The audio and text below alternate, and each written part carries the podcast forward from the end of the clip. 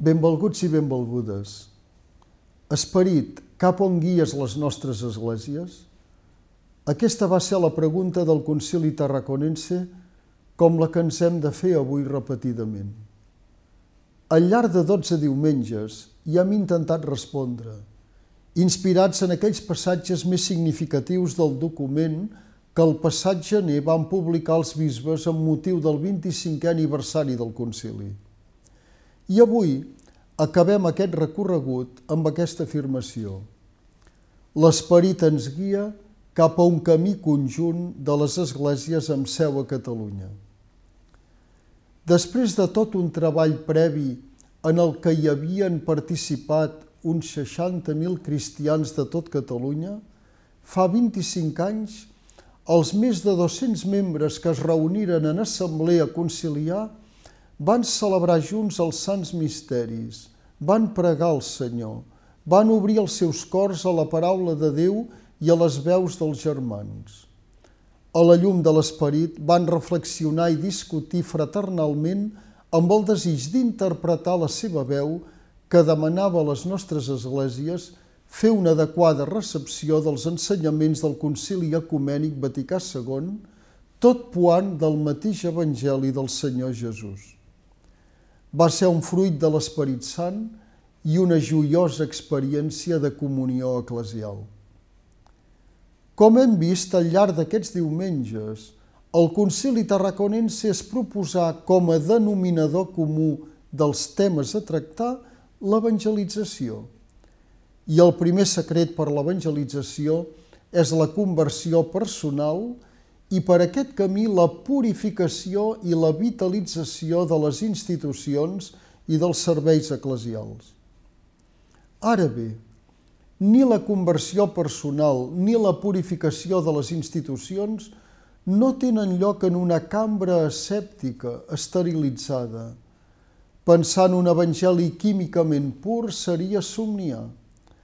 L'Evangeli és per als homes i dones, cada un dels quals viu unes circumstàncies pròpies, té les seves tradicions, el seu tarannà específic i la seva pròpia manera d'expressar-se. La sinodalitat eclesial es concreta en cada església i en cada territori.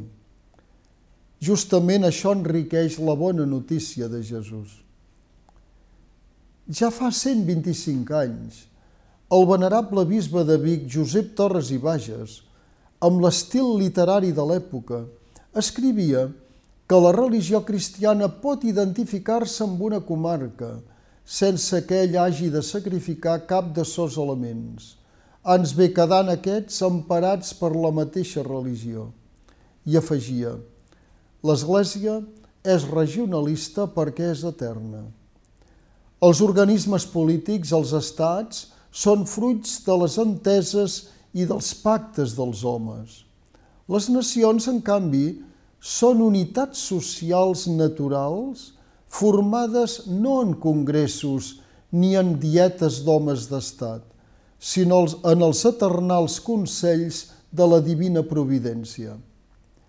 Per això, ja la difusió evangèlica es feu no tenint en compte els estats polítics, sinó les diverses gens o nacions, i predicar no els súbdits de l'imperi romà o de l'imperi persa, sinó els fills de Corint o de Roma, o de Tessalònica o d'Esmirna, o de Galàcia.